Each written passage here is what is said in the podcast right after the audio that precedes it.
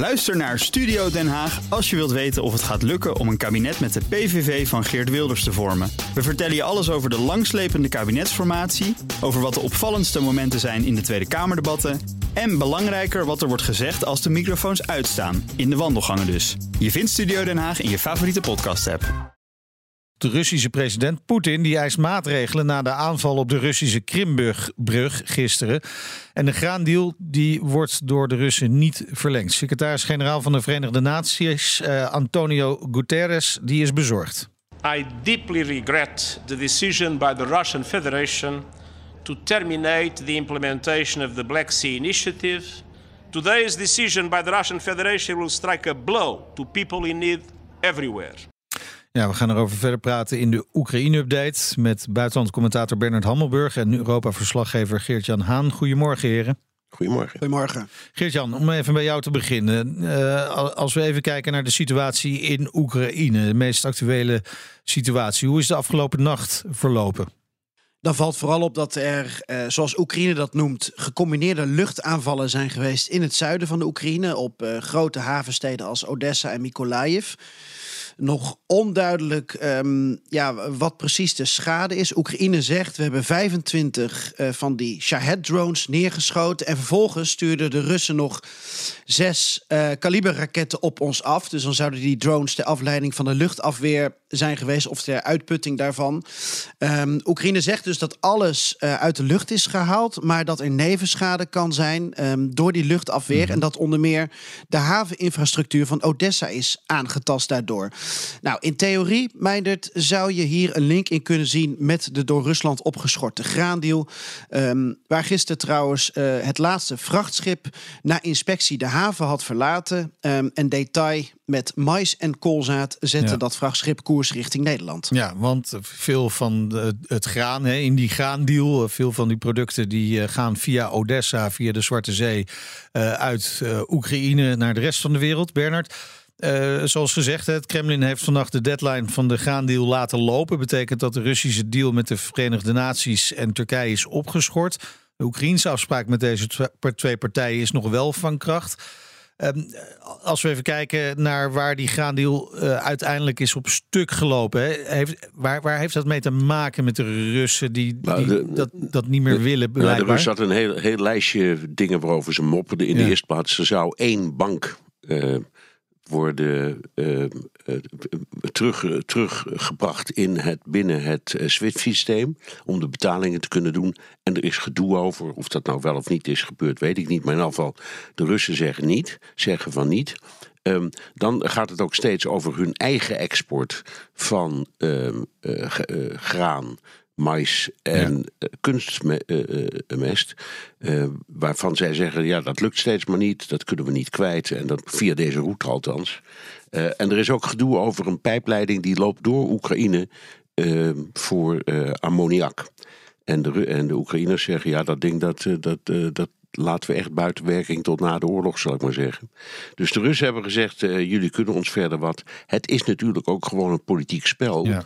Want ze hadden ook ja kunnen zeggen. Er zijn een paar dingen die uh, mij erg opvallen. In de eerste plaats, er zijn cijfers geweest over de Russische graanexport in het afgelopen seizoen. En die heeft alle records gebroken. Hmm. Um, dus uh, we, we, denken steeds maar over deze route voor graanvervoer. Maar er zijn ook andere. Uh, hoe de Russen dat precies doen, weet ik niet. Ik had het met Geert-Jan over, vermoedelijk via China, maar hoe dan ook. Ze hebben dus een andere route waardoor ze uh, hun eigen spullen gewoon prima verkopen. Um, en uh, ja, het, het, de Amerikanen en andere westerse landen zeggen: we hebben inmiddels alternatieve routes. Weliswaar met treinen en vrachtauto's, ja. allemaal veel ingewikkelder. Maar we gaan toch proberen om dat graan weg te krijgen uit uh, Oekraïne. Dus we, de, de, de, de, bondgenoten zijn aan, al aan het denken aan uh, de fase waarbij ja. die, uh, die deal gewoon niet meer bestaat. Nee, nou, nou is interessant. Wij spraken eerder vanochtend met een, een, een Nederlands graanproducent in Oekraïne. En die zegt jongens, ga gewoon maar varen met die schepen met graan. Ja. Uh, als uh, Turkije is uh, mogelijk wel bereid om die, om die schepen te beschermen. Zet desnoods blauwhelmen op die schepen. Dan zal Rusland wel twee keer nadenken voordat ze zo'n schip naar de bodem van de Zwarte. Ja. uh, schieten. Is, is dat inderdaad denkbaar? Ik, ik hoorde hem, maar hij vergeet één heel klein detail, mijn, dat, dat is de verzekering. Het is ondenkbaar dat een verzekeraar die schepen wil verzekeren onder deze omstandigheden. Ook, ook als er bescherming van blauwe ja, helmen is, bijvoorbeeld? nou, ja, natuurlijk. Dat risico ga je niet nemen. En dat, dat was al een van de, van de ingewikkelde punten.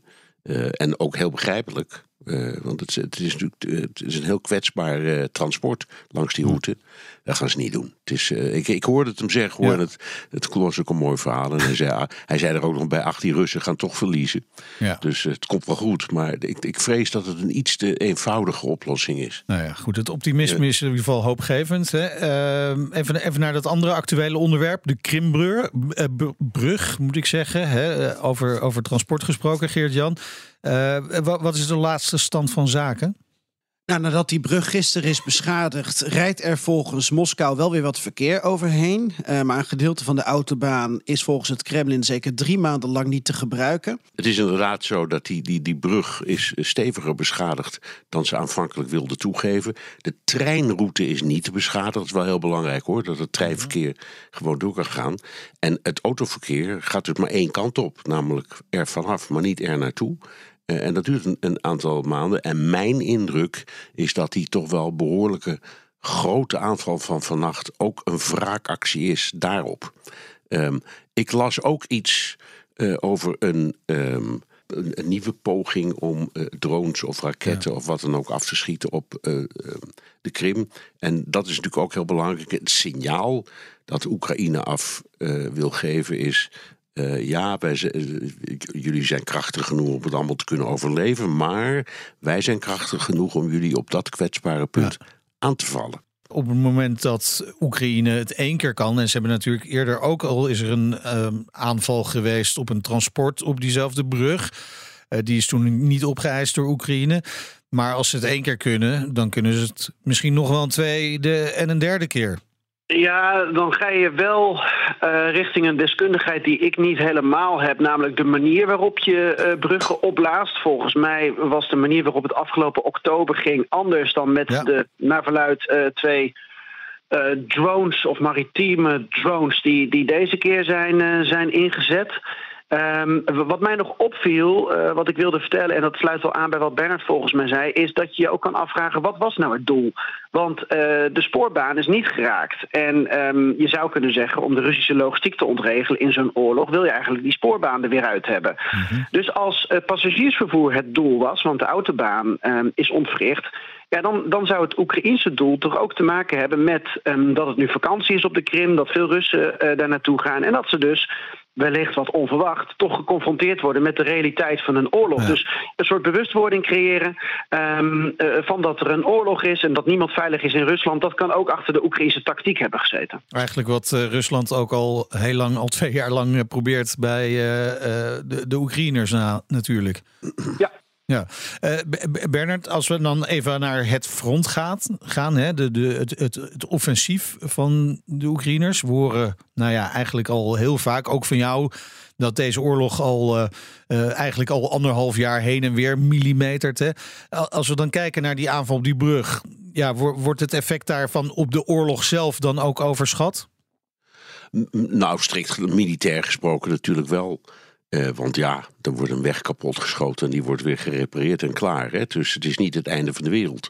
Uh, maar het is denk ik uh, psychologisch en symbolisch wel van belang. Omdat de, de Oekraïners steeds maar zeggen en ook denken... als we eenmaal in staat zijn om iets aan de situatie in de Krim te doen, dan zijn wij een heel end. Er is nog een andere militaire redenering waarvan, net als Geert-Jan, ook ik niet precies kan beoordelen of dat nu wel of niet waar is of klopt of hoe belangrijk het is. Maar het zou ook een middel kunnen zijn om um, de Russen af te leiden, want uh, dit betekent dat er versterkingen moeten komen op de een of andere manier in dat Krimgebied. Dat gaat dan misschien ten koste van de, de, andere front.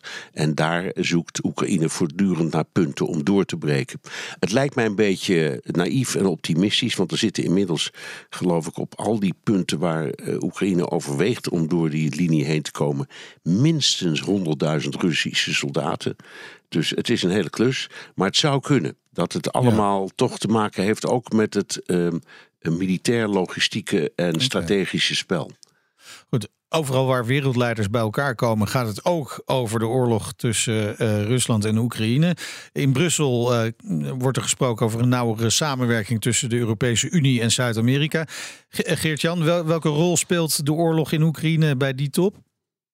Ja, dit is een beetje voor de geopolitieke uh, junkies. maar er wordt, er wordt uh, op dit moment gemillimeterd op die top tussen de EU en de CELAC, dus dan heb je zo'n zo'n 60 landen volgens mij bij elkaar, wordt er, wordt, wordt er gediscussieerd over wat er over die oorlog überhaupt in de verklaring mag komen. Hmm. Opvallend genoeg is er nog geen gezamenlijke verklaring uitgegaan. Dat gebeurt normaal gesproken al eigenlijk um, dat die voor een top klaar is en helemaal voorbereid door, uh, door ambtenaren.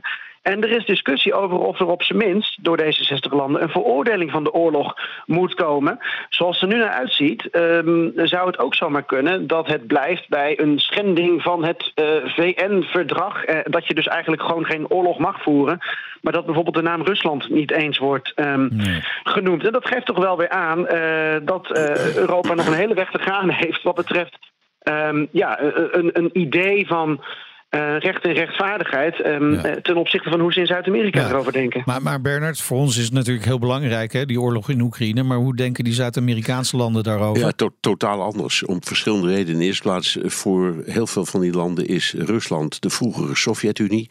En in de tijd van uh, de kolonisatie um, en de afloop daarvan heeft de Sovjet-Unie alle vrijheidsbewegingen in Afrika en Zuid-Amerika altijd krachtig gesteund.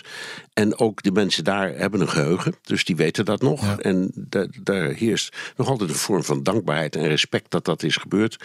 Dus die zien Rusland ook helemaal niet uh, zo als die boosaardige vijand.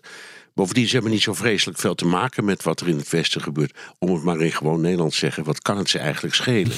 En om dan te zitten praten met een stel vertegenwoordigers van de westerse wereld. niet over wat echt belangrijk is, namelijk het verbeteren van de diplomatieke contacten.